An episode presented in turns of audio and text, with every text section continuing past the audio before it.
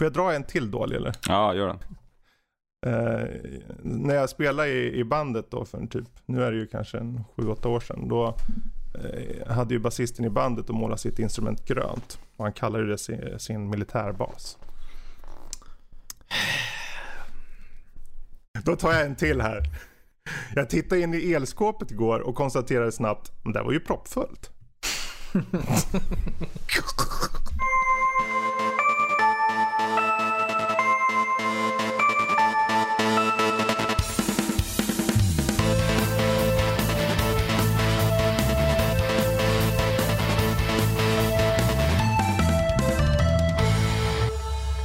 Hallå där allihopa!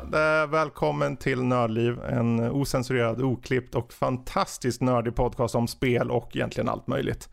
Eh, idag är det den 16 maj när vi spelar in det här 2020 och eh, avsnitt 260.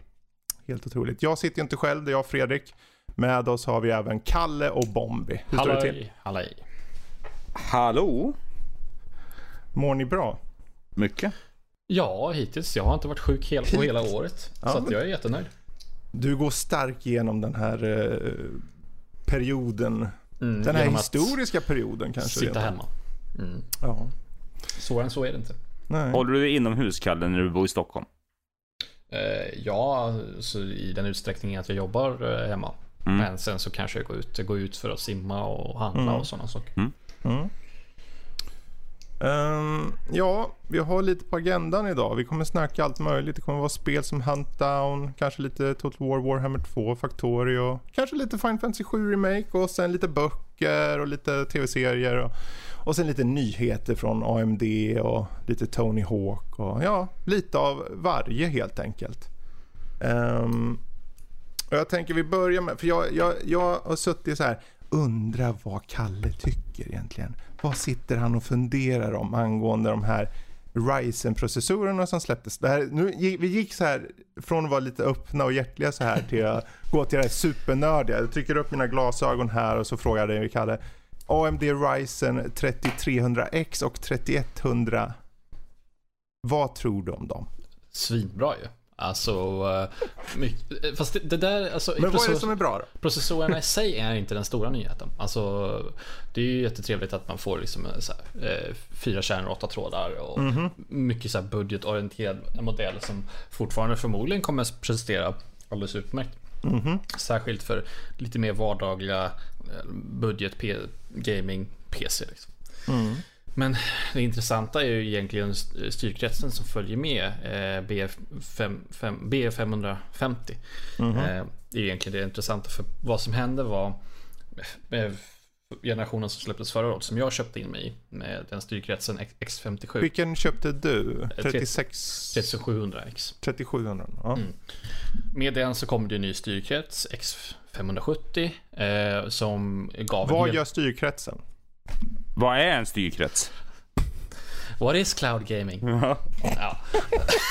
Vi ställer de svåra frågorna. Jag känner att jag måste, hur, hur långt i, måste jag backa? Det jag ville komma till var Ja. egentligen att den här styrkretsen, den, den, eh, den gav ganska många uppgraderingar, PC Express 4 och allt möjligt, smått och gott sådär. Ehm, men det gjorde också att moderkorten blev eh, oerhört mycket dyrare än vad de blev, vad de var tidigare. Mhm. Ehm, särskilt i Sverige, men också på andra ställen. Så att det, det har inte liksom varit riktigt så här ekonomiskt gångbart att bygga en budgetdator eh, med eh, X570 och eh, X57 och, och och, eh, den Ryzen 3000-serien. Processorerna i sig kanske inte är så superdyra om man tar en 3600X eller eh, 3600. Men moderkorten är liksom så här orimligt dyra. Eh, så nu kommer eh, B550 in istället. Eh, kommer vara betydligt mycket billigare. Eh, men fortfarande ha stöd från de nya processorerna. Vilket gör att då kan man bygga de här riktigt budget eh, prestanda per krona inriktade datorerna istället. Vilket jag tycker är mycket roligare för då kan ju Ja, då kan jag kanske gå och bygga en ny dator åt någon vän eller någonting som inte har de här, den här Precis. superhöga budgeten. Ja, för jag menar listpriset eh, för eh, till exempel 3100 Mm. är på 99 dollar. Ja, eh, och 3300X eh, 120 dollar. Jag vet att Sverige blir lite dyrare då. ja visst. Jag tror jag har sett 3300 där för runt eh, 1400 eller strax Mm. över. Eh, Men ändå alltså, jag, jag, alltså allt det här med det tekniska snacket så fine. Det är kul. Och man ser att de har, de har kärnorna, de har trådarna och allting. Och de har en ganska bra liksom, frekvens. De har en turbo, den här 3300X den kan ju upp till 4,3 och det är en X så jag antar den upp, eh, ja, den går att klocka uppåt eller? Mm, alla, Fast inte mycket eller?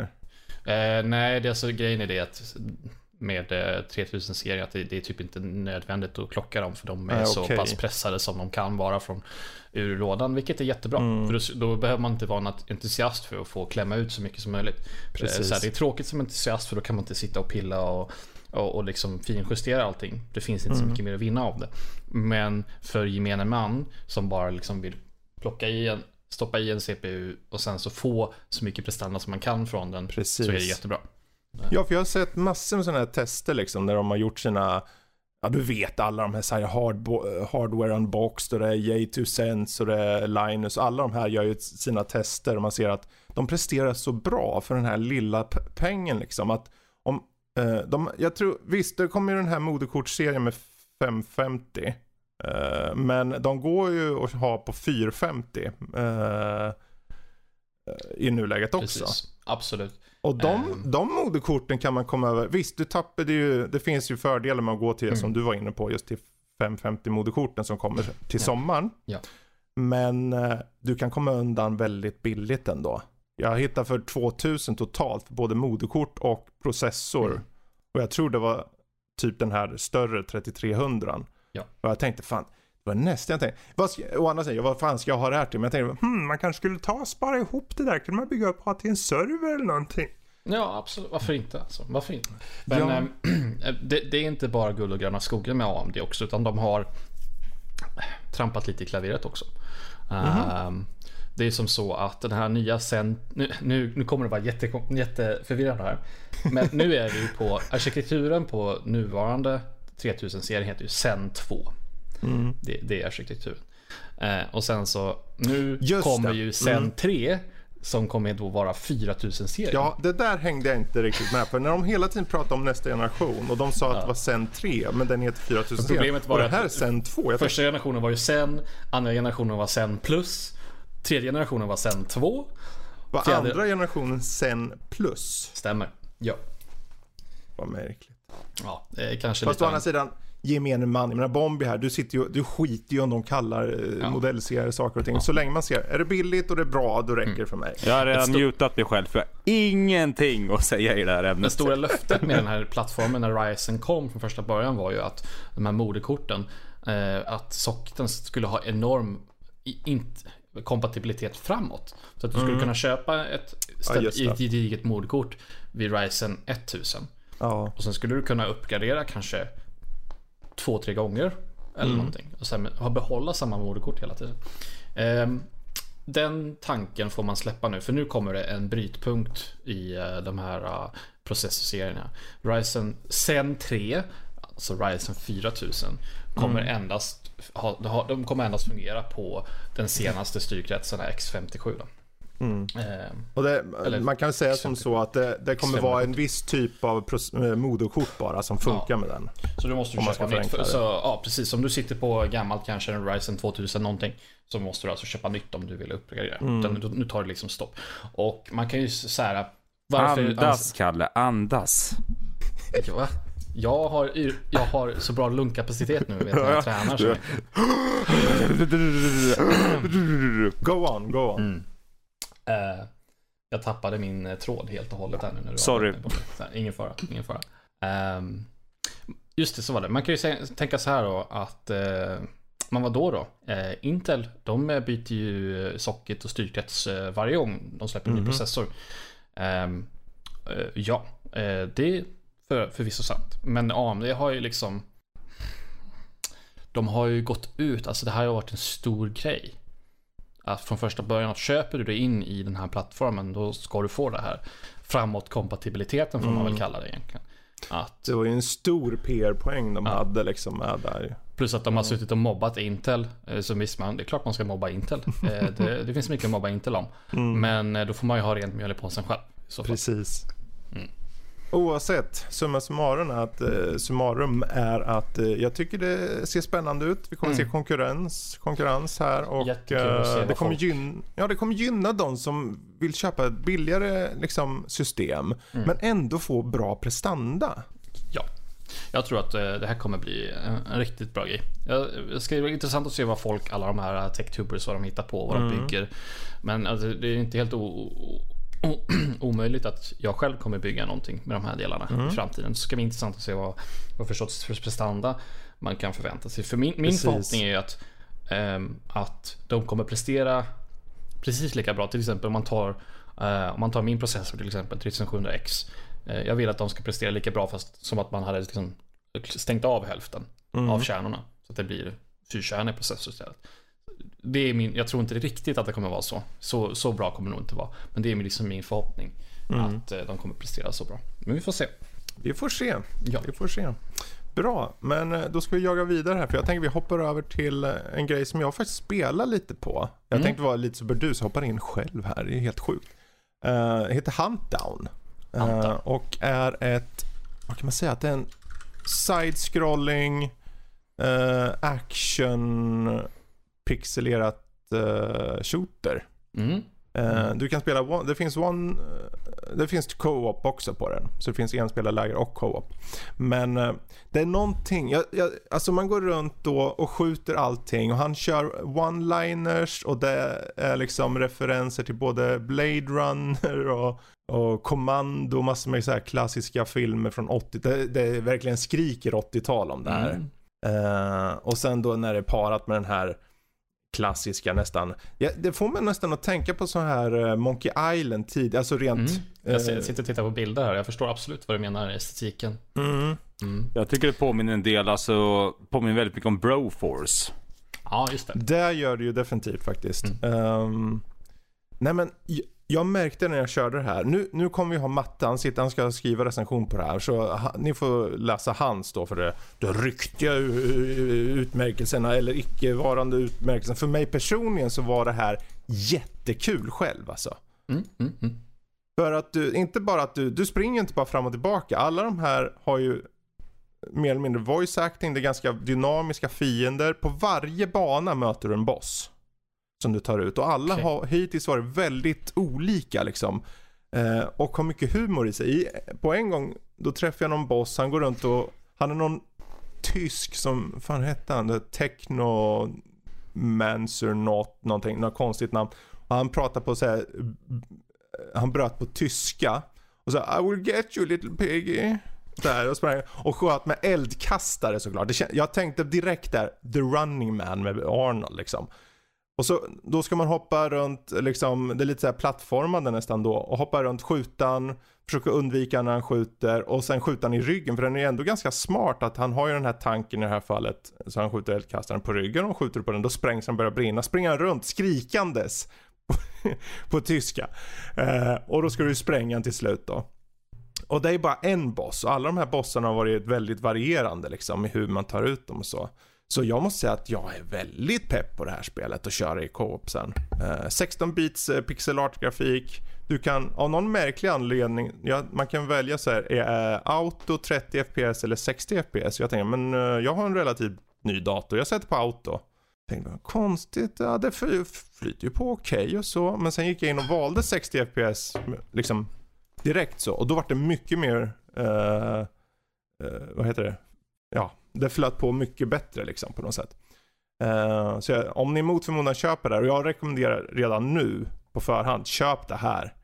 Definitivt. De här, den här 80-tals eh, soundtracket med mycket one-liners och det är voice acting och det är så här synthesized soundtrack liksom. Mm. Mumma, säger Mm, jag. det blir faktiskt eh, nog fan ett köp av det här spelet tror jag. Ja, och det är nog inte så dyrt heller faktiskt. Är det inte. Jag vet ju att, eh, jag menar, se på Epic nu. Vi kommer väl till Ep- eh, kanske att snacka om Epic sen. Eh, Men det här spelet kostar 199 spänn på Epic just nu. Och Ah, då har de ju den här kampanjen nu i och med att eh, GTA släpptes, GTA 5 nu, Mm. eh, gratis. Så fick alla också en kupong på 95 spänn någonting. Så i praktiken kan du köpa det för precis över 100-lappen. Do är det här it. exklusivt till Epic eller? Det är bara Epic. Okej. Eh, så om ni går in där så går ni bara längst ner på ert namn, klickar så finns det så här coupons och så ser ni eh, liksom 95 spänn så här. Eh, och det är bara att applicera. Det, det går att applicera bara på spel som kostar 140 k- kronor uppåt dock. Mm. Bara så ni vet. Men ja, alltså Bounty Hunter snubbe springer runt och skjuter. Du kan välja mellan tre olika eh, karaktärer, Bounty Hunters. En tjej som heter Anna Konda. Ja. såhär X-kommando med såhär firearms och sånt. Eh, och sen har vi John Sawyer, han körde jag som tror jag. Han är en sån här gammal eh, special forces som har typ, han saknar käke, har en stor metallgrej där och han skjuter liksom och har sig hela tiden. Och sen är det någon som heter Moman som inte jag har riktigt koll på. Det är någon sån här, han skickar ut såhär recon-grejer och, och sånt liksom. Eh, Det så- känns ju som att det är lite återspelningsvärde i spelet. Jag, jag hoppas det. För Mm. nu när jag körde igenom hela egentligen första kampanjen så tänkte jag men det här blir bra nu sen när jag kör med co-op. Får jag se hur det känns. Och Mm. köra med någon och köra samma. För jag måste han har kanske inte kört den. Så då kanske man får börja om. Men tror du spelet blir svårare om man kör co-op? Eller är det liksom att det fortfarande är samma svårighetsgrad som man spelar själv? Mm. Bra att du tog upp det. För du väljer ju svårighetsgrad för övrigt också. Mm. Eh, jag tror det fanns en tre, fyra stycken. Eh, och ehm, jag, jag kan ju inte säga om det blir svårare när man kör co-op i och med- att jag inte har kört den. Men jag hoppas ju att det är aningen lite liksom uppåt på svårighetsgraden Mm. då. För det, det kanske behövs. Å andra sidan, kör man som jag körde, så jag menar, när, jag kom, när man kommer till bossarna, det gäller ju att veta hur du ska ta ut dem. Det är inte bara skjuta, skjuta heller. Eh, även om många, liksom när du är ute på banan och springer så börjar skjuta på allt som rör på sig. kommer hundar ibland. Men du kan ju, du kan ju sparkas och slåss om du är, när, om du är nära fiender. Då, sparkar han eller slår han dem automatiskt Mm. liksom. Eh, och hoppar upp liksom, sen trycker på så här, hoppknappen och sen neråt. Då åker han snabbt. Han kan dasha också liksom. Hmm. Så det, det, det här spelet, det har saker som bara, liksom hittills har bara utvecklat sig mer och mer för mig. Och sen, det är en action comedy arcade shooter säger de. Och ja, det är det. Mm, Köp grymt. det. Ja, Köp grymt. grymt. Så, nu, jag ska inte hålla mig där längre. Vi, vi hoppar vidare helt enkelt. Ehm, och jag tänker vi, vi hoppar över till, eh, vi hoppar över till Bombi. Varför Ah, oui. inte? Ja, ta, jag vill veta det här. Vi, ju, vi pratade om Final Fantasy för ett tag sedan. Det var ju lovord då. Men hur är det med dig? Vad känner du inför Final Fantasy 7 Remake? Som du har kört. Eh, jag är 28 timmar in. Jag är på chapter 14. Mm. Jag tycker att spelet är skitbra. Eh, spelet, det är inte så länge sedan jag spelade ut Final Fantasy 15. Mm. Som jag tyckte väldigt bra om. Och eh, det här spelet fyller upp det tomrummet som jag haft efter Final Fantasy 15. Mm. Eh, det är exakt vad jag vill ha av ett Final Fantasy-spel. Jag Vad är tycker- det som ni gör bra liksom då? Dels tycker jag fightingen är bra. Eh, jag tycker Ja, den är ju fighting, underbar. Jätteunderhållning verkligen. tycker fighting-systemet är skitbra. Ehm, just det att man växlar mellan karaktärer. Och eh, det är inte bara som det var mycket i Final Fantasy 15, att mycket button masha samma knapp Mm. liksom. Här har de ändrat lite så att man ändå kan, man får djupare system man kan använda. Mm. För det går liksom inte bara button masha för du kommer inte vinna då, du kommer dö. Eh, det är inte så, bossarna är faktiskt jävligt svåra i det här spelet, tycker jag Mm. emellanåt. Uh, sen tycker jag att Visst att spelet i mycket möjligt kan vara emellanåt cringe, det kan vara töntigt. Tifa är väl typ den vackraste personen som har gått i två par skor. och eh, det kan kännas lite halvlarvigt med hennes extremt stora bröst och allt det här. Um, men alltså de... Nej men de gör ändå bra. Jag tycker ändå att de utvecklar ändå karaktärerna på ett bra sätt genom spelet. Cloud öppnar upp Precis. lite eh, och han är inte samma griniga gamla gubbe som han är i första scenen de är i första reaktorn. Mm. Utan han öppnar liksom upp och blir mer och mer en ekoterrorist som de, är, som Mm. de då är. Nej, jag tycker liksom att det är, nej, det är riktigt jävla roligt och underhållande. Och det är ju bara två år sedan jag spelade igenom Final Fantasy 7 eh, igen då. Då köpte jag Mm. den här Playstation 4-versionen så man Ja, kan det. snabbspola igenom eh, resor och sånt. Mm. Eh, så det, men nej, jag tycker att det är ruggigt jävla bra och snyggt som fan är det. Även fast jag spelar på en gammal tv och med ett PS4 Basic så tycker jag ändå att det är fruktansvärt vackert. Men det är ju ett sånt tydligt exempel på just hur bra Sony är på att hålla i sin hårdvara känner jag. Det är ungefär som med God of War eller egentligen vilket Mm. spel som helst från dem. Att man bara, hur lyckades med det här? Eh, Jo, ja. sen är det ju som sagt, det är vissa texturer. När det är fokus på till exempel eh, Cloud och gänget liksom, så ser man att vissa texturer kanske är lite halvsuddiga och ibland så kan jag se, har jag sett liksom att det är tre likadana människor som står typ inom, på samma gata så ser jag tre Mm. likadana. Alltså, vissa små buggar, men det är ingenting som stör mig. Ehm, och jag, alltså när jag startade upp spelet, by the way, jag måste bara säga tack till Arcade Dreams och Ivan som skickade spelet till mig när jag var sjuk. Mm. Eh, väldigt snällt av dem att tänka på mig. Så tusen tack Ivan och Arcade Dreams. Eh, men när jag startade upp spelet så fick jag fan gåshud och en tår i ögat. Eh, när, jag, kom, när titelskärmen kom och musiken där och allting. Alltså det är så jävla mäktigt. Och äntligen få sätta tänderna i det. Alltså det var, nej fan jag har sett fram emot det här så inåt helvete. Det var så, ja.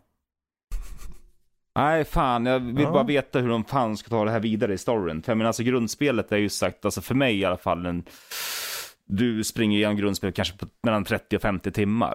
Mm. Eh, hur ska de ta det här vidare från uh, Midgar liksom? Alltså det, Det är ju spännande att se. Mm. Jag tänker, eh, för om de har tagit, de har ju tagit sig lite friheter vad, vad gäller story och vissa, eh, som whispers och allt det här. ja. Så jag tänker, men det blir ju spännande att se hur de kanske förä- förändrar nästkommande spel ännu mer. Till exempel. Det vore ju jättekul att se eh, vad, vad som kan ändras på. Ja, det jag gillar med spelet också är att det är ganska linjärt. Det är Precis. ganska skönt. Det är Det inte... är jätteskönt. Ja, är det. att man liksom springer. Du, kan, du har lite sätt att utforska, men ofta Mm. så har du en ganska rak väg att gå. Precis. Eh, och det är ganska skönt. Uh, Mm. Framförallt när man har lagt eh, 160 timmar på Final Fantasy 15. Mm. Eh, så, så är det ganska skönt att alltså, bara springa till nästa uppdrag hela tiden. Precis. Det är just den där när det är sådär härligt fokuserat på, på storyn. Det driver det hela tiden framåt. Mm. Och då när de ändå varierar miljöerna så känns det hela tiden, det känns att det, det är tight då liksom. Det känns dynamiskt liksom. Det känns som att man Ja. hela tiden ser något nytt. Och sen liksom tycker jag ändå att uh, The Slums, liksom att det känns så jävla levande. Och Mm. jag skulle hellre vilja leva där nere än uppe på plattformen liksom. Ja, Det känns alltså sterilt och tråkigt. precis. Men ehm, ja, Mm. nej, skitbra. Jag ser verkligen fram emot fortsättningen. Ja. Vad kul. Ja men eh, där har ni Final Fantasy 7 Remake. Uh, lite intryck. Eh, men vi kan väl hoppa vidare då. Jag tänker eh, om vi hoppar lite på nyheter. Vi, eh, om vi nu ändå är inne på remakes så kan vi väl dra ett par. Det har ju kommit ut både läckor och bekräftelser på både det ena och andra. Först har vi att uh, Mafia-trilogi har ut, eller tillkännagivits. Och då är det första tre spelen där egentligen, de sa Kalle att det var liksom eh, remasters. Men jag tänker första spelet där, jag har sett hur ursprungligen såg ut. Exakt. Det här ser inte ut som en remaster, det här ser ut som en remake. Det ser ut som en reimagining. Nej, jag tänker också ska man eh, ta fram, ta, ta upp eller uppgradera liksom för ursprungliga Mafia 1 till dagens mått så Mm. då, då känns det som att det kommer nästan byggas upp från, från grunden i en Precis. nästan, helt ny motor. Alltså allt. Precis allt. Det är Mm. mer än en reimagining om du frågar mig. Ja, jag fattar inte varför de... Vi får väl se, de skulle ju komma med ett ordentligt tillkännagivande. Men det Ja. som har kommit ut hittills har sagts remaster, jag blev så förvånad bara. Det måste ju vara en remake de menar. Ja. Eh, det kan ju vara att de senare kanske, jag menar trean kom ju ut bara för två, tre, fyra år sedan någonting. Något sånt. Och eh, den kan, sure, remaster. Men ehm, ja, jag ser ju fram emot att höra mer och vi får eh, rapportera om det när, när det väl kommer. Eh, vad gäller mer då med remasters, det har eh, snackats eller ryktats om en Diablo 2 remaster. Mm. Som faktiskt till och med kommer i år sägs det. Eh, inte så konstigt, det ligger ju rätt i tiden, prick 20 år efter det släpptes. Eh, de kan bygga upp lite ha någonting emellan innan eh, fyran kommer om 40 år. Eh, Soon. Men jag läste eh, att det var någon fransk eh, spelsida som hade eh, annonserat det här först. Och de Mm. har haft rätt om andra saker som har kommit från Blizzard och Activision. Precis. Eh, jag kommer inte ihåg vilken sida det är nu, men... Eh, så det kan ju Active mycket väl stämma. heter de. Ah, Okej. Men Diablo 2 är ju... Ja, fan det ser jag faktiskt fram emot. Jag hade jävligt... Det var inte så många år sedan. Kan det vara tre, fyra år sedan jag köpte två stycken eh, exemplar av Diablo 2 och den här Mm. eh, Lord of Destruction heter Ja den. just det, precis. Eh, och jag och frugan satt och vid köksbordet med varsin dator och spelade tillsammans. Så Mm. eh, det var jävligt kul och jag tycker verkligen om spelet. Så gjorde jag första tiden med min exfru, nuvarande Mm. exfru också. Körde tvåan väldigt mycket. Mm. Ehm, och då var det ändå väldigt gammalt då. Men Ja. Nej, jag Det tycker det håller. ju. Ja, det, håller, det, ju håller idag med. Alltså Ja. de här eh, miljöerna som ändras hela tiden när man går ner liksom i... Mm. Det, det tog de ju bort i trean, det saknade jättemycket det här med att det slumpmässiga liksom dungeons och så. Det, det för mig är nästan Diablo. Men ehm, en remaster på det här, jag skulle jättegärna vilja se det. Vi får se Ja. om det blir sant. Eh, och sen så ska vi se, vi hade ju då, vi var inne på GTA 5 lite snabbt där förut. Som sagt, det är kostnadsfritt den här veckan nu, veckan till, ända till torsdag. Eh, så om ni hör det här nu eh, på, på söndagen här den 17 så har ni ett par dagar på er. Ehm, de hade lite strul eh, kan man säga. Det var Mm. hög trafik. Många ville komma åt spelet och det hade ju läckt i förhand så då var det ju liksom prick klockan, jag kommer inte ihåg vilken tid det var, men just den tiden det skulle utannonseras eller visas då, då dog ju hela liksom, både klienten och sajten liksom. Eh, jag tror det var dött i kanske en 3-4 timmar minst liksom. Ja, även de som inte ens ville ha GTA 5, bara skulle, de kom inte ens åt sina bibliotek liksom. Mm. Ja, det är ju, det, jag kom ju åt mitt bibliotek. eh, Gjorde du kanske. det? Ja då. Det Ja, jag kanske läste att, eller eh, någonting. Ja, jo, men ja, det blev nedsegrat i alla fall. Ja, men det, det, kan ju, det kan ju också vara att det varierar lite från att det svajar lite fram och tillbaka och så. Mm. Det har jag ingen aning För jag startade ju inget spel. Jag satt ju och väntade på att köra Predator med, med Mm. folket. Så. Eh, och Norpa är ett ex av GTA 5 Premium Edition som det uh, Men värt att kika in uh, tycker jag. Och sen då har vi ju, jag tänkte vi kan snacka om kanske en av de större sakerna som kom ut i veckan. Um, Summer Game Fest hade ju ytterligare en liten grej. Och då visades, skulle det visa, de gjorde lite, de hade lite fel, det var lite missvisande för de sa game reveal sa de på förhand. Och sen var det i slutändan en ny motor. Mm. Unreal Engine 5. Den ska släppas i, i, i full version under 2021. Så håll inte andan efter spelen folk. Utan tänk på att det släpps nästa år, mot, motorn. Men eh, med all säkerhet kommer ju kanske många få för eh, kanske tillgång till det innan och så.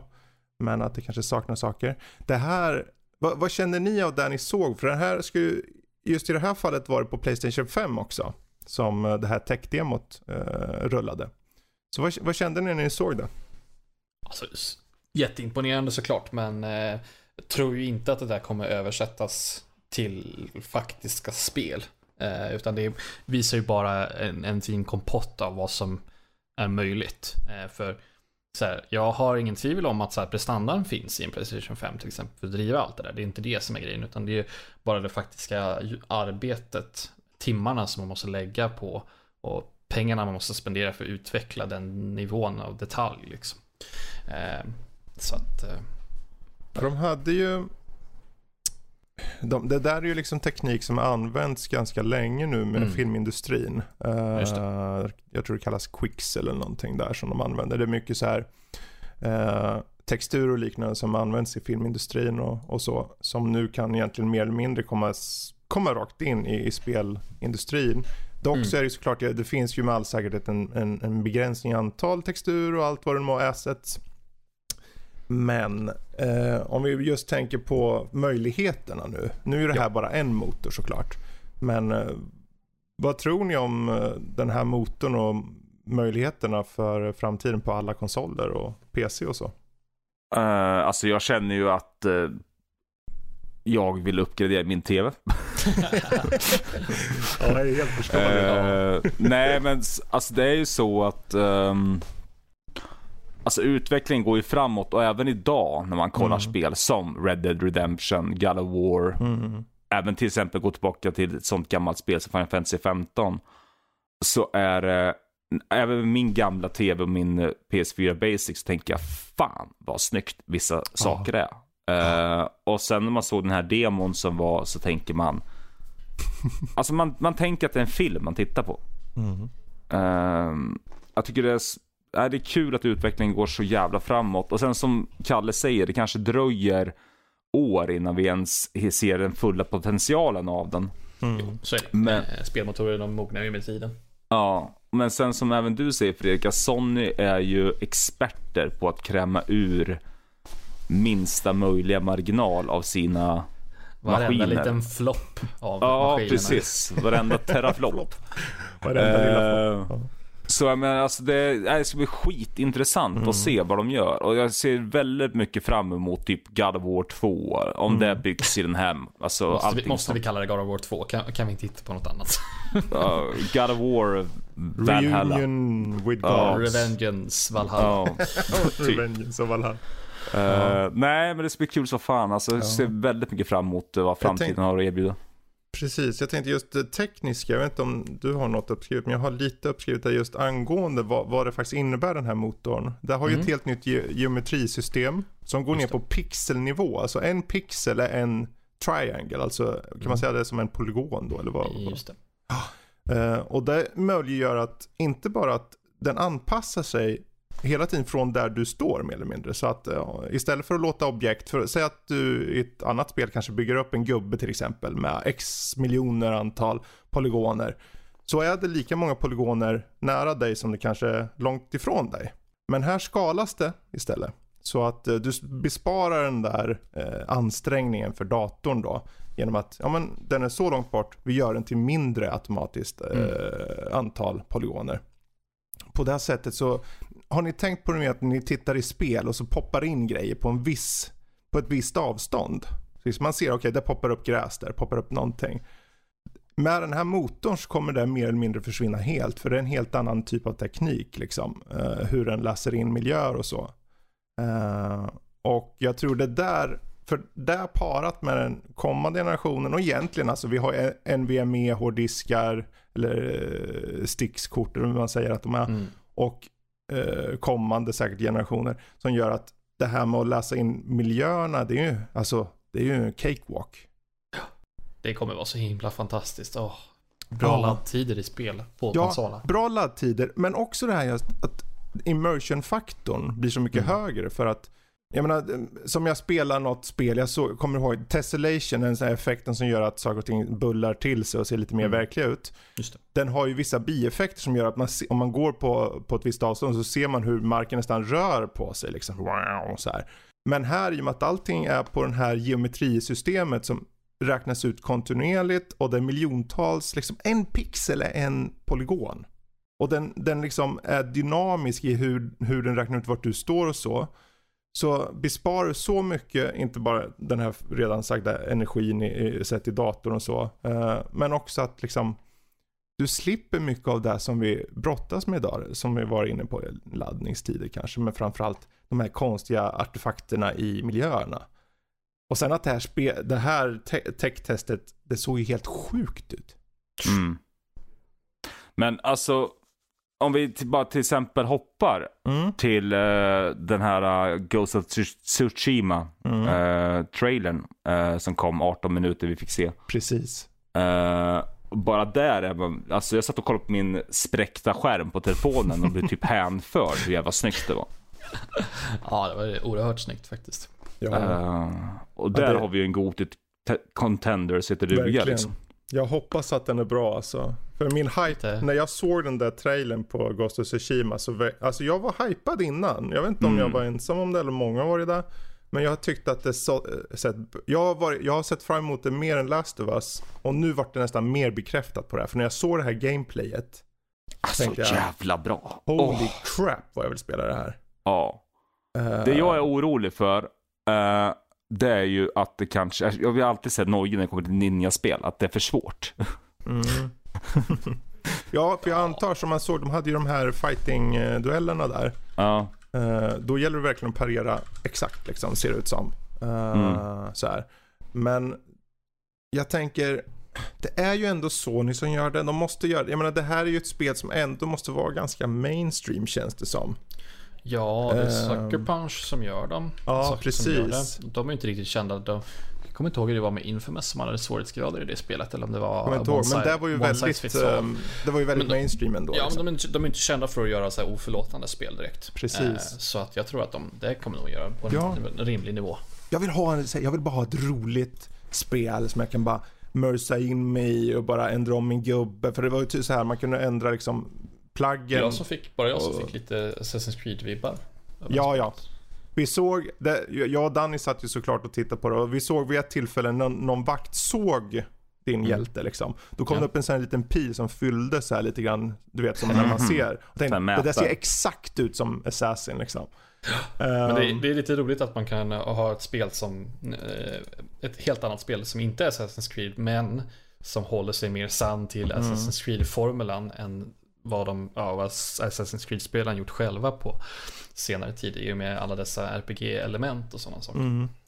Och sen kan man ju fråga vad, för jag kan säga att för min del, de där gamla Assassin kan dra åt pipsvängen. Det här nya är vad Assassin ska vara. Så ska det Mhm. vara. Okej, ja, ja, Faktiskt. Det här smyg och stealth, det, kom, det fanns ju också. Men det här som de har här i, det blir en liten... På ett sätt är det kul också, för jag tänker, de visar lite så här långa näsan till Ubisoft nu säger ja nu kan ni ju göra ett Assassin i Japan då får vi se hur det blir. Just det. Ja, ja, just det, just det, just det. För det har ju Eh, vi- viskats om det ett par gånger. Visar de om det fanns någon leveling XP-system? I... Inte vad jag tänkte på. Nej, jag tänkte inte på det heller. Nej, för det här, nu känns det ju lite som, för jag tänker, jag kommer ju se fram emot att se alla olika möjliga challenge runs på det här Mm, spelet. mm. Liksom om, eh, ja men hur, som, som folk brukar göra, Twitch streamers brukar göra på Dark Souls och sådana här saker. Att, ja men nu slå, slå spelet utan att levela upp en gång, slå spelet med eh, de billigaste grejerna eller vad, eller vad som Mm. helst. Liksom, så. Ja, ja, de gick igenom mycket men de gick inte som jag kommer ihåg i alla fall genom något sånt. Däremot, jag tyckte de hade verka vara som så att de för in mycket av naturen i gameplay. Alltså där bara, här ser du den här fågeln, den kan leda dig till en viss typ av uppdrag bara. Det finns saker i miljön, det finns något andligt över det kändes det som. De hittar shrines man- och grejer och en räv följde han efter och så kommer man till ett shrine. Och... Ja, men sen när man kan ha någon styrvind som eh, Ja, just det. Mm. man kan kalla på så man ser vart man ska. Mm. Eller hitta olika nya. Jag tänker för även om de här vibbarna av Assassin fanns där så kände jag ändå, det, det här är tillräckligt mycket sin egen grej ändå. Tycker jag. Verkar som. Verkar som Mm. i alla fall. Ehm, Nej, ser jävligt mycket fram emot det. jag undrar vad, jag om ni tänkte på det här men de han plockar ju upp så här bambu hela tiden. Ja, Jag han antar det är i... crafting i det då. måste det ju vara. Ja. Oh well. Vi får se. Det, det här spelet kommer om två månader bara. Så Mm, Det är inte så lång tid. Inte så Nej. lång tid. Ehm, men från spelens underbara värld till böckernas. Ehm, Kalle. Ja. Asimovs The Rest of the Robots har du läst. Precis. Nu Fick, får, faktiskt får ni som lyssnar, ni som har hängt med. Jag kommer inte ihåg vilket avsnitt det var, men kanske tre, fyra gånger sedan jag var med Mm. sist. Så uh, pratade vi om lite böcker och kanske att man skulle sätta sig ner och läsa lite mer. Uh, komma ifrån uh, dat- datorn sådär lite mer Mm. och så vidare. Eh, sagt och gjort nu så har jag inhandlat lite böcker. Jag har inte hunnit läsa så mycket. Eh, Isaac Asimovs The Rest of Robots, det är ju en, eh, en samling eh, kan man ju säga av korta Okej. berättelser. Antologiserie eller Mm. vad man nu vill kalla det. Eh, I samma anda som eh, iRobot. Det står det i boken till och med att det här är liksom Ah. som en... Det här är som... Vad ska man säga? Det som sluter an slutklämmen av hela den här eh, berättelsesamlingen gällande uh, The Three Lobes of Robotics. Och Mm. de här. För det, är ju- det, är- det är ju det de här eh, böckerna handlar om, eller de berättelserna handlar om hur, vad ska man säga, imperfekta de här lagarna är. Mm. Hur de kan förvrängas och, och så vidare. Så vidare så här. Eh, och hur eh, robotarna inte... ah, Hur saker och ting kan gå, kan gå fel Mm. eh, med, med tanke på hur de programmeras. Ehm, jag har inte bara köpt eh, den här, The Rest of the Robots, utan jag har köpt, eh, vad heter det, eh, på, lite på Emils, inte rekommendation, men lite inspiration av Emil, Roadside Picnic, boken som inspirerade då Mm. Stalker-filmen och spelen. Ja, just det. Mm, den har jag köpt för sen när jag tar an den. Och sen så den sista, jag är ju lite insnöad på det här med, med vad heter det, krigsmemoarer. Så jag köpte en, jag har köpt en bok som heter Sniper One också. Då är det någon brittisk soldat i, eh, eh, under ok- ockupationen av Irak då. Efter invasionen där 2003. Så jag, jag har mycket att ta mig an, mycket läsning nu i sommaren som kommer. Mm. Eh, och ja, jag får väl egentligen återkomma till någon bok. Kanske ska jag återkomma till eh, Asimov. Mm. Eh, för jag, har- så jag har hunnit läsa ett, ett, en berättelse då. Och eh, de är ju riktigt bra alltså. Märks att de är lite äldre nu för tiden. Alltså språket är lite, vad ska man säga, ålderdomligare. Mm. Eller vad man nu vill kalla det. Men de är ju riktigt bra man märks ju var, man vet man ser ju direkt varför eh, Asimov anses vara liksom mästaren av sci-fi om man säger så. Jävlar vad han är bra alltså. Men... Eh, För den här, den publicerades redan på 60-talet va? Måste det ja, stämmer. Ja. stämmer. Eh, Berättelserna då, de, de publicerades ju i, för sig i någon, någon tidning om jag minns rätt. Eh, eh, Amazing Stories har jag för mig att tidningen hette. Mm. Så de har ju publicerats för sig men sen så har de då samlats i den här boken då. Mm. Vilket årtal är det här då? Årtal, alltså Ja, alltså när är de du- skrivna? utspelar sig. Ja, när är de skrivna liksom? Själva... Eh, 40 och 50-tal om jag minns Mm. rätt. Om inte tidigare än så. Jag tror det är 40 och 50-tal. Precis. Ja. ja, men det är kul för jag tänker de här är ju värda, jag menar någonstans är det ju allt som vi ser på film och tv vad gäller sci-fi, det finns, det finns ett upphov någonstans och Mm. det, mycket kan leda till Asimov. Så är det ju. Ja, verkligen. Ehm, verkligen. Man har mycket, mycket arv från, eh, från honom. Det kan Mm. man ju lugnt säga. Herregud. Men sci-fi i all ära, hur är det då med Factorio? Du har... Det är nu jag zonar ut i två Ja, timmar. Factorio i korthet. Nej men så här då. Jag har ju spelat Factorio, det är ett sånt spel som jag kör i omgångar. Jag Mm. sugs in i det totalt och så spelar man kanske 50 timmar och sen tröttnar man.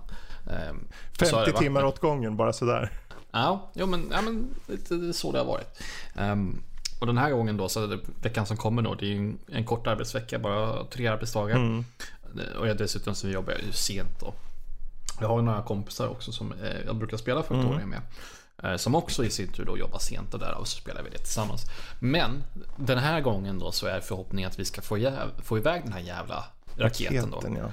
Mm. Vi har spelat mycket innan men det har liksom varit Bara så för att förtydliga, det är slutmålet med spelet att få iväg en raket och skjutas upp. Liksom.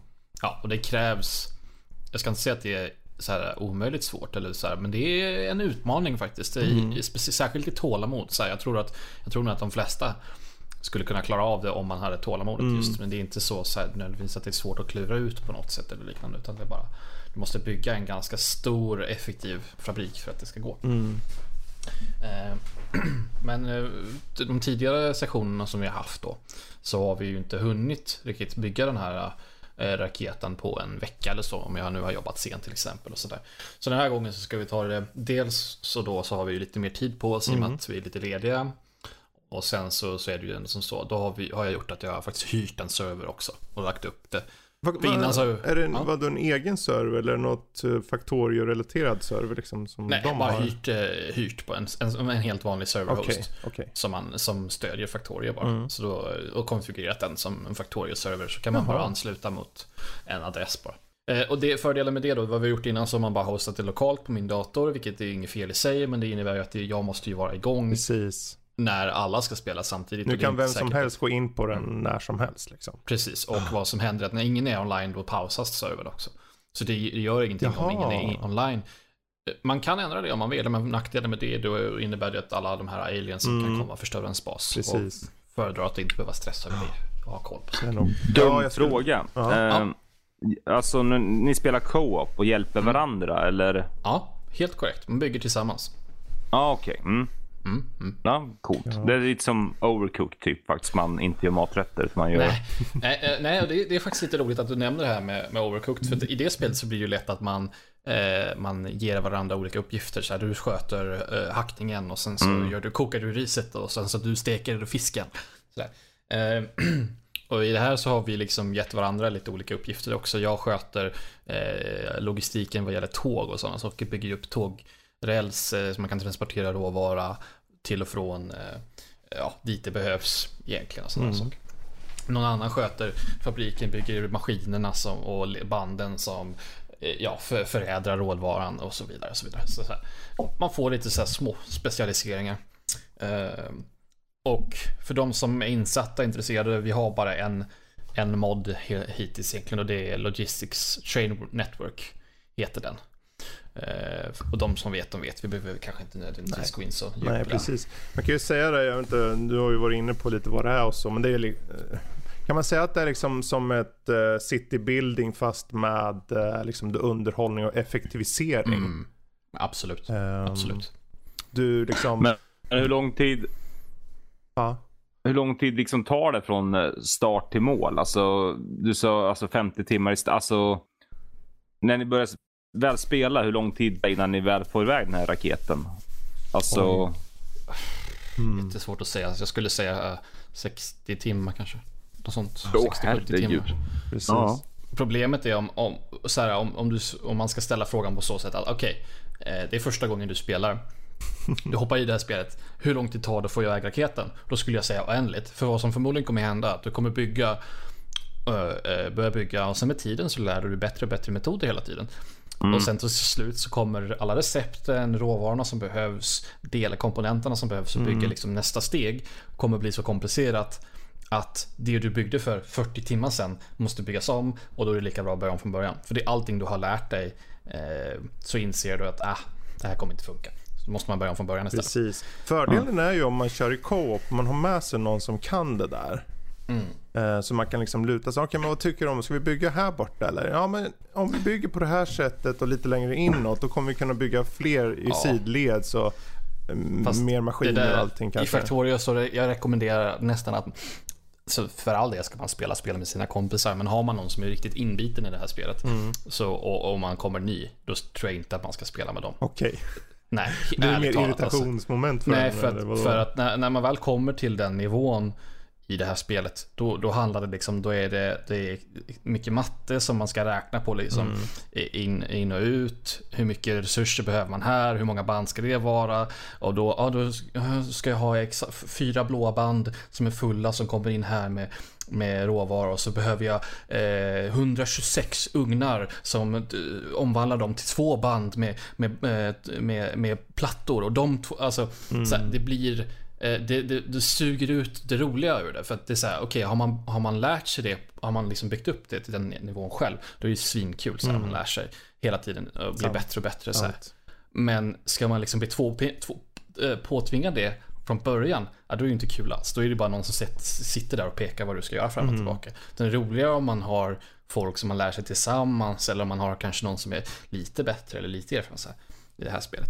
Man har Precis. någon som springer runt och, och eh, pekar med hela handen och skriver så här, det här är skit. Nej, det är inte roligt alls. Alltså jag kan säga, när jag började köra det här, jag körde ju för att Max eh, tipsade om det. Ja, Eh, eller tipsa, han köpte det till mig och sa nu ska vi köra! Nu ska vi köra! Och sen, så, sen blev så som. Sen blev inte det av på en gång. Jag tänkte, men det här ser ju väldigt kul ut. Så jag satt där och testade ungefär som du var inne på. Bara, ja, men jag, ska, jag ska bara testa lite och byggde. Och det vart ju åt helvete vissa saker. Men det, man såg att steg på steg på steg. Den här, jag högg ner träd och där gick eh, virke dit eller någonting. Och sen vart det så och sen fick jag värme därifrån. Så kunde de här maskinerna. Och sen var allting igång och jag satt där. Mina små band, ni ska leda ända till målet. Det blev aldrig det där målet. Jag kom ju aldrig till att skjuta iväg raketen för att eh, precis som du var inne på. Jag hade ju byggt åt helvete eh, fel.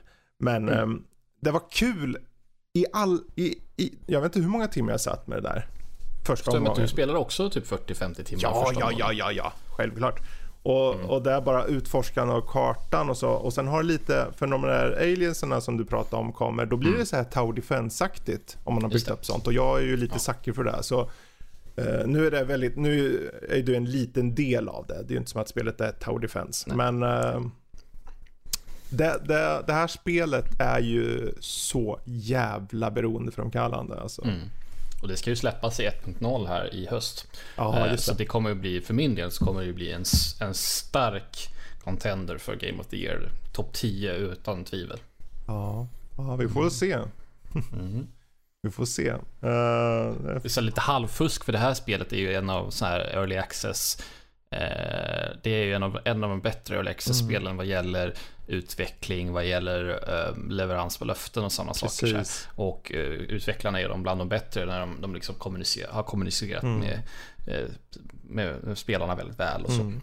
Det är prissatt bra och det är liksom hållit Mm. länge och det är hela tiden något nytt. Och sen med full, jag antar att när den fulla versionen kommer att det är säkert någon sån Mm. här content patch. Förmodligen. Ja, och det här spelet kan ju anses vara färdigt. Alltså Mm. det kan ju, man kan ju anse att det vara färdigt väldigt länge. Men det, de, lä- de Mm. gör om vissa saker, grafiken blir bättre, de lägger till mer mekanik, eh, alltså sådär. Precis. Um, ja, i sin genre så är det en stark contender. Men eh, vi får Mm. se. Det finns mycket som kan komma ut i år som kan påverka det där. Um, apropå saker som kommit ut i år, Bombi. Jag tänker det här med retrospel är ju en kul grej. Det är det. Ja, och eh, därför har vi ju eh, Retroliv. Precis Starta en ny podd har vi Mm. gjort. Kom i veckan. Ja. Eh, första avsnittet med eh, Robin. Robin från Par i Pixlar. Yes. Ja. Va, hur kände du nu när det kom ut? Var det pirrigt eller? Eh, jag, eh, vi spelade in det här i februari. Mm. eh, tror jag att det var, eller Ja, mars. det var februari. Eh, Du sa till och med datumet dit hörde jag bara, Ja. åh, det kanske jag skulle ta bort. Men nej, jag lät det vara kvar. Ja. Eh, nej, alltså jag, jag var nervös. Jag har Mm. fått bra respons dock. Eh, jag vet om att mitt ljud eh, var hemskt i första avsnittet, men det blir bättre. Ja, Eh, är du kämpar helt som, en, kämpar som en hjälte, mitt Ja, vi hade ju två, två olika källor. Och den andra Ja. källan var ju den som ni hörde. Den första var ju som du sa, den var ju ganska bedrövlig. Men den, jag, tyckte Ja. det, det är ingen, jag tycker det är okej med det här ljudet. Ja, Jag jo. lyssnar igenom, jag tyckte det var okej. Men nej, men tanken är väl att eh, jag ska prata med folk eh, som har tv-spel som intresse Mm. och eh, gå igenom deras liv när det kommer till tv-spel. Mm. Och eh, tanken är väl att det ska vara typ, ja, man sitter och tar en öl och snackar skit bara. Mm. Det är väl det som är syftet med det hela. Precis. Sen kanske eh, det tar en stund innan man kommer dit. För men jag är inte van vid att eh, leda och hålla i en podcast. Eh, så det får man väl lära sig. Men jag tycker att eh, de avsnitten vi har spelat in hittills har varit väldigt underhållande och roliga. Mm. Och jag hoppas att eh, ni som lyssnar hoppar in och eh, kommenterar, tycker och eh, hoppas ni får en skön lyssning. Ja, och jag kan ju redan nu säga det att vi kan spoila och säga att eh, nästa avsnitt kommer ju redan, eller det vet ju ni som redan följer på flödet, men det kommer om tre veckor. Mm. Eh, så det är bara liksom eh, ta och fortsätt lyssna och, och håll er kvar i det här flödet så är det bara att vänta in på godbitarna helt enkelt. Ja, precis. Ehm, jag tror det kommer bli eh, härligt rakt av faktiskt. Det är bara fantastiskt. Ja, det känns jätteroligt. Um, det känns jävligt kul faktiskt. Mm. Men eh, en litet tips där. Kolla in, lyssna på det, men kom lite feedback om ni vill. Och för all del, jag tänker när ni ändå liksom, om ni vill ge feedback så om ni går in på sajten så har vi på om-sektionen eh, väg till Discord. Eh, Nördlivs Discord. Och där kan ni ju snacka med kanske Bombi och ge en lite feedback eller bara berätta hur jävla bra hans jävla retroliv var. För det kan man också göra. Eh, eller snacka nyheter eller diskussioner eller eh, ja, lite av varje. Så det är ett litet tips där. Hoppa in på discorden. Jag kan lämna en liten länk också i eh, beskrivningen här. Jag vet inte om det funkar att göra så men jag hoppas. Vi får se. Eh, det ska gå. Jag har sett länkar förut. Men det kan vara lite olika beroende på vilken eh, podcastapp man har. Och vi sitter ju väldigt, eller vi sitter ju ofta inne på discorden också om man vill liksom Mm. bara hoppa in och säga hej Precis. och snacka skit. Ja. Så finns vi ju där. Ja. exakt. Men, eh, du Kalle, du hade ju inte bara Factory under bältet. Nej. Det var märkligt, vi sa det, men vi ska bara gå in lite snabbt på hade- Bombi satt där och himlade Det med ögonen liksom. Precis som med spel så går det inte att spela lite, man måste spela bara. Men det 40 finns så mycket timmar. att liksom luckra upp Mm. med det spelet för att liksom förklara hur det fungerar och allt möjligt. Men vad tänkte du Ja, Total War Warhammer 2 tänkte jag. det? Mm. Det är en annan goding som jag har eh, gjort återbesök på. Mm. Ehm, Man har ganska många kampanjer faktiskt. Så här, jag har en kompis som jag spelade med. Och han har ju fått för sig att han är ju expert på det här spelet. Och, Har han eh, fått spela. för sig det? Så han är inte det, det är bara att han Ah. tror att han är det alltså. och så ska vi spela kampanjer på ganska svår svårighetsgrad. Okej, okej. Vilket har gjort att vi har ju spelat ganska mycket. ehm, många olika kampanjer Mm. och sånt där. Men vi har förlorat varje. Jag har inte vunnit. Vi har inte liksom nått målet en enda gång. Okej. Utan Jag har gått till pipsängen varje gång.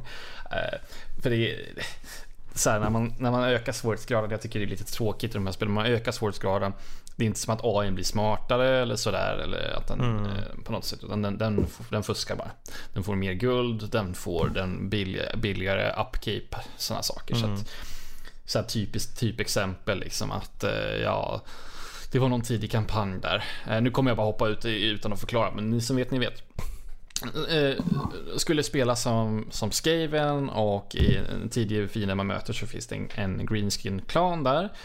Och jag rensade bort dem, jag gick vidare ner, slogs mot eh, eh, massa dvärgar, rensade bort dem och så vände jag mig tillbaka.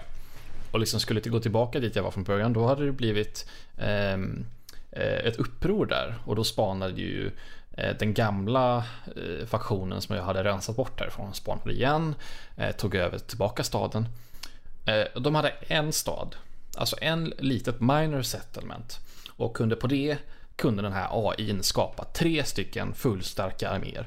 Alltså, det är så orimligt och så mycket bullshit att det finns inte. Alltså, man, jag hade ju själv, jag hade ju liksom Jag hade ju typ fem sex städer eh, Som var så här halvt vettigt uppgraderade Men jag kunde knappt liksom stötta Ha, ha råd med typ två arméer. Och så sitter de där på en minor settlement Med tre stycken fulla arméer. Det var ju liksom bara att ge upp. Man bara, okej. Mm. Så, så mycket, det är mycket sånt som händer. När man spelar på de här svåra svårighetsgraderna Att fienden är för många än vad man klarar och rimligt klarar av att hantera. Eh, De, de får så mycket buffs vad gäller antal och mängd att de eh, kan bara liksom steamrolla en totalt. Mm. Eh, Så det har ju varit eh, upplevelsen mycket. Men det är fortfarande ett sjukt roligt spel och så oerhört välskapat.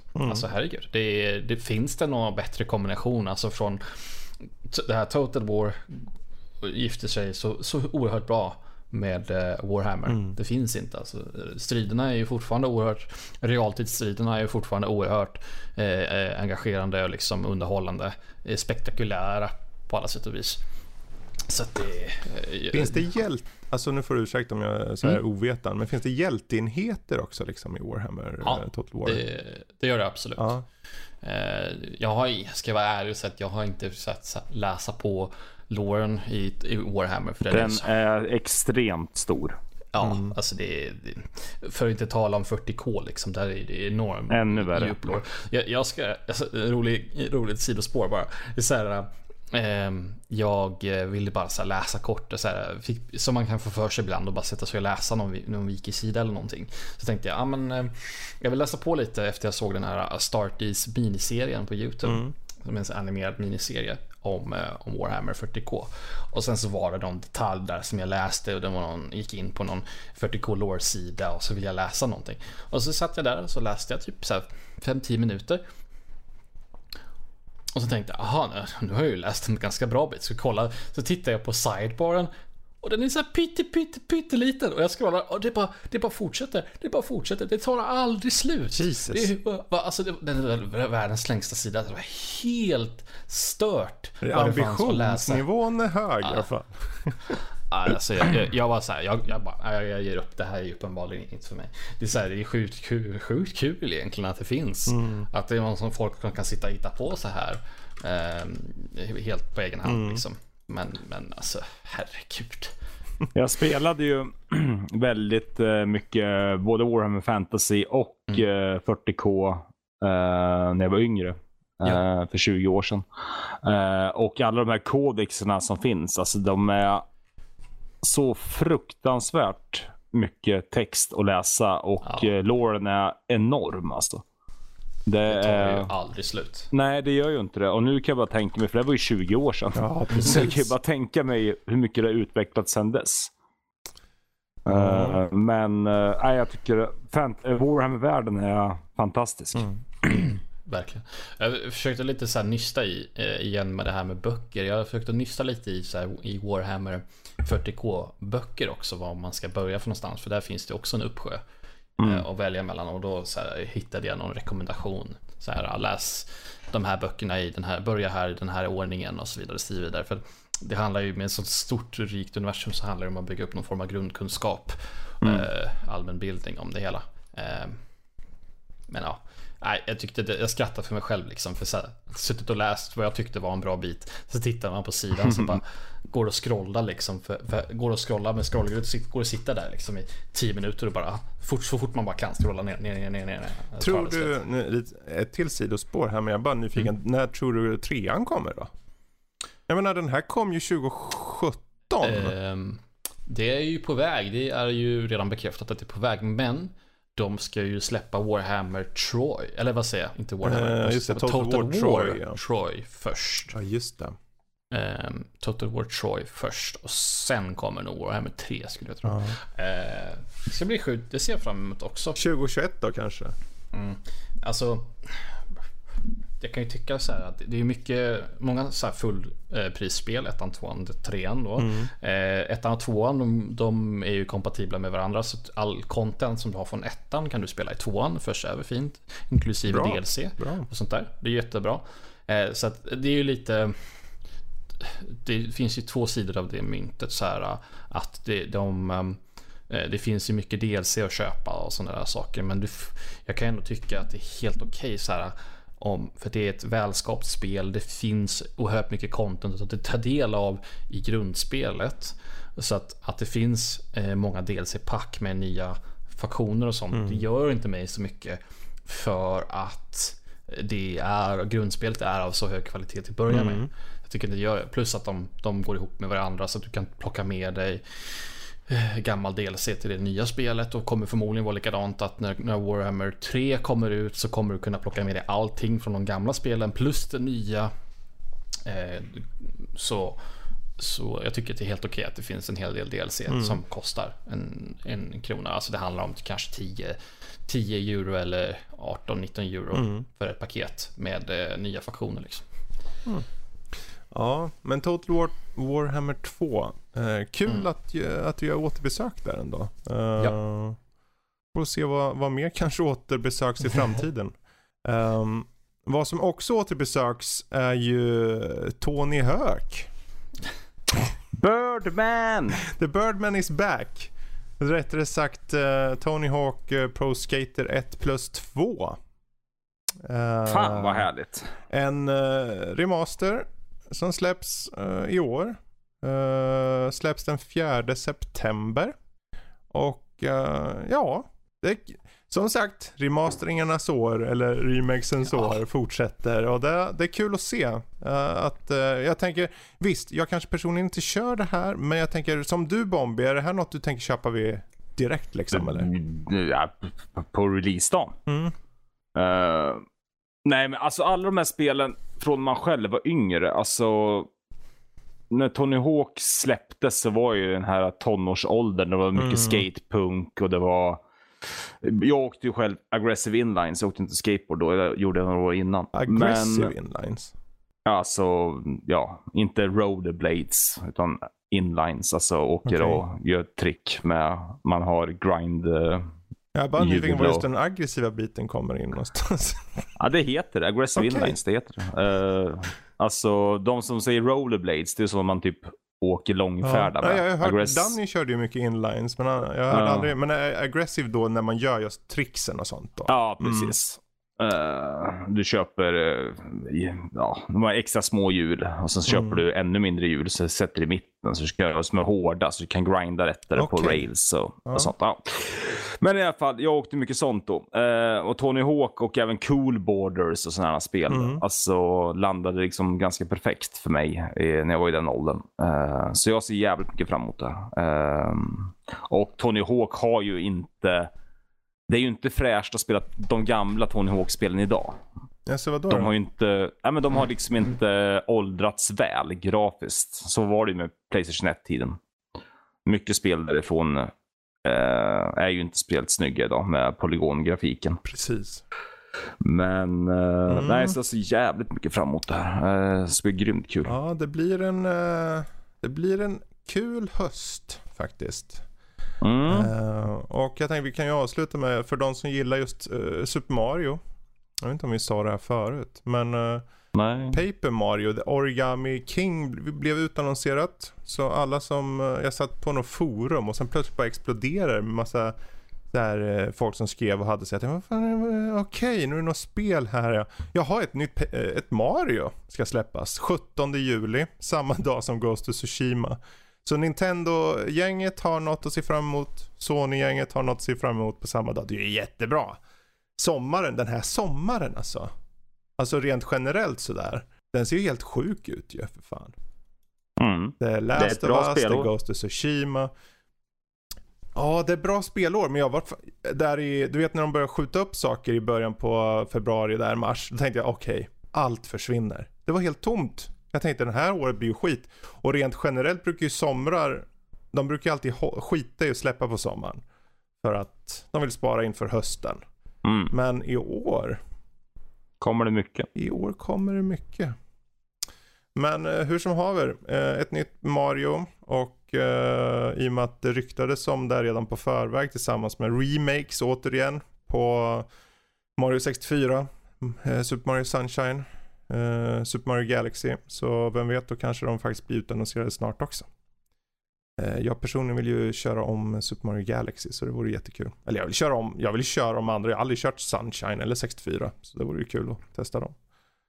Mm. Tyvärr blir det väl skitdyrt. För de tar väl säkerligen full pris på dem. 600 spänn per spel. Ja, ja, ja. Nej, det är ju, jag kan inte köpa de där spelen allihopa. Jag får välja en.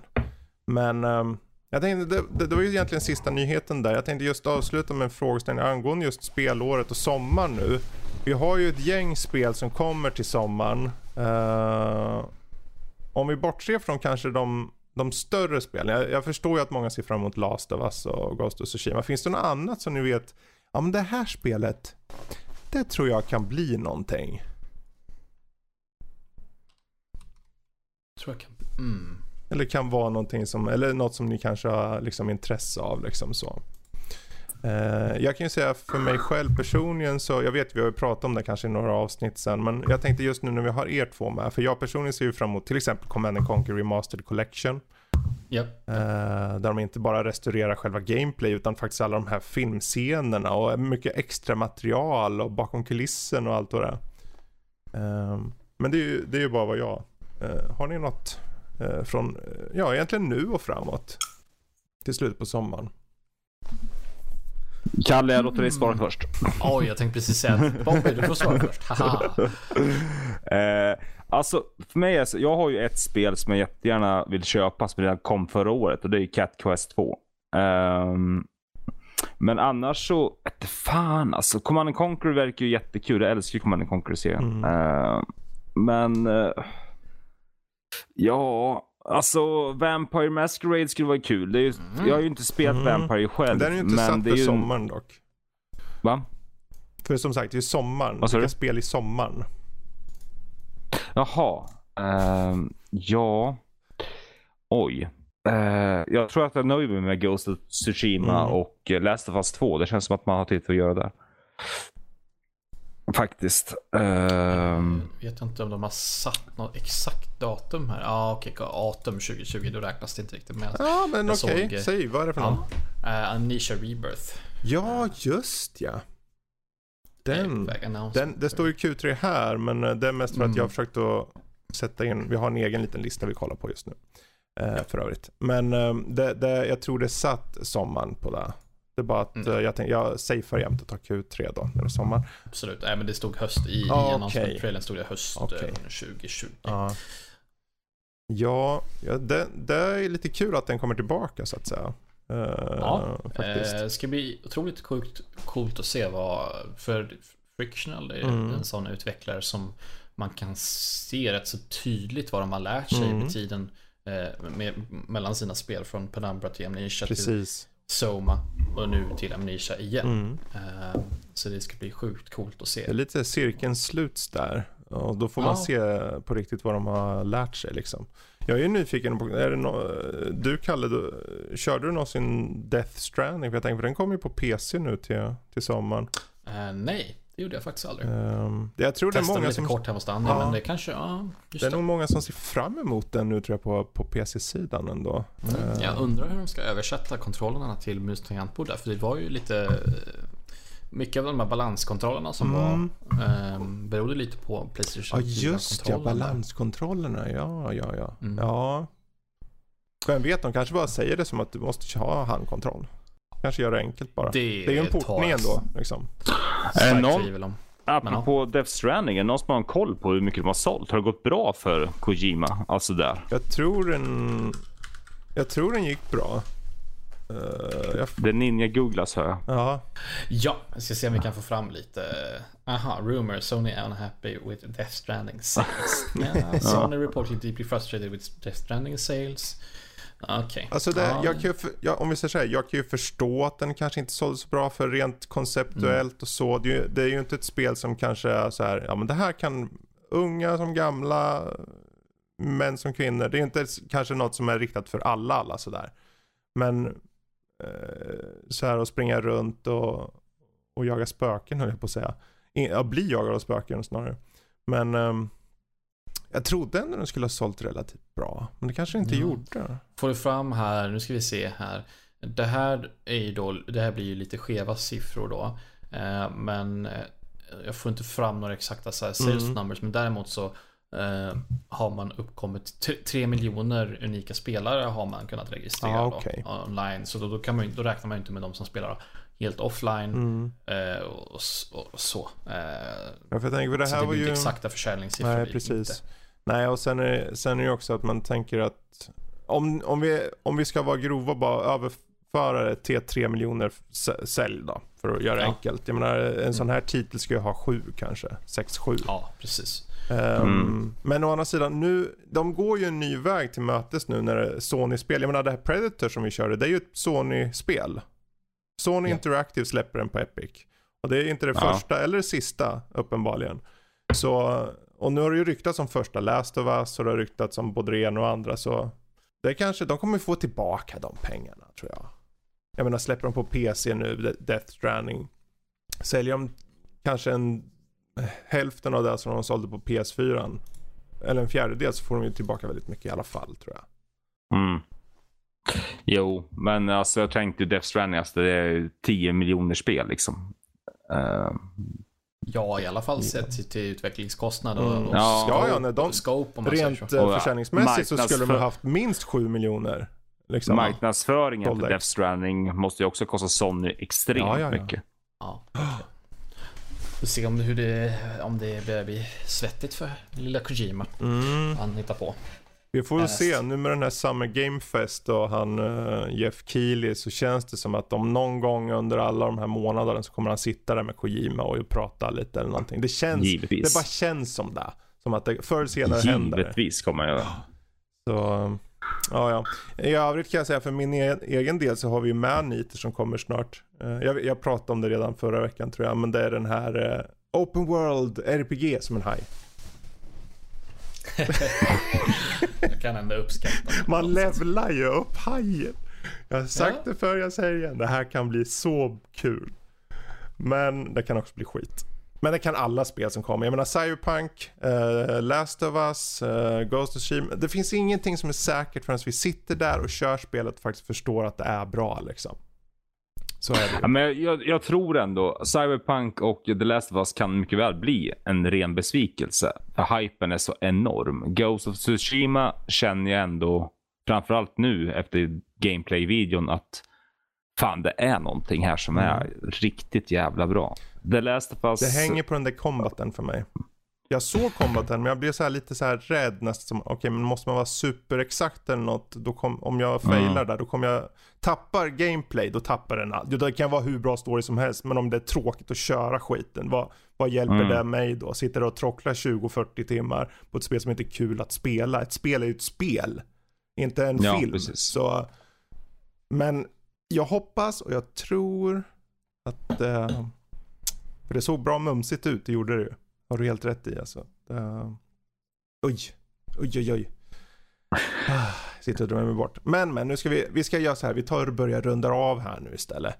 Uh, och uh, får tacka er som har lyssnat. Och uh, än en gång, ta och hoppa in på det förra avsnittet kan man säga på flödet här. Det är ju Retroliv. Lyssna för tusan. Ta en lyssning. Hör av er till Bombi. Han finns på uh, martin at uh, nordlivpodcast.se Alternativt hoppa in på discorden bara. Det finns en länk på hemsidan. Kommer in, snacka lite grann, berätta vad ni tycker. Kanske vanliga podden Nördliv eller Tärningspodden, Kultpodden, Matiné. Matiné. Precis. Uh, prata. Kanske ska göra lite kanal. Undrar om man ska ha några chattkanaler för de olika poddarna som folk kan prata individuellt om dem. Jag vet inte. Vi får fundera på det där. Men Ja. eh, jag får tacka Kalle och eh, Bombi här som har haft tid att bubbla lite Mm. på kvällskvisten. Lika trevligt varje gång. Ja, Ja, faktiskt. absolut. Fick prata oss lite om Ryzen. Jag, jag är fortfarande pumpad för den där datorn du ska bygga där, Kalle. Ska och ska. Jag, Du ska? Jaha, okej. Ja. Nu- Så jag, jag kanaliserade min inre Max där. Du ska bygga den! Åh. Ja. Ja, ja. ja, men det kommer ju vara så billigt så att då kanske man har råd med att bygga bara en extra dator bara för att. Bara för liksom. att. Ja. Men, men. Tack alla som har lyssnat. Tack och adjö. Säg hej då grabbar. Tjingelingarna allesammans. Ha det bra. Hej då!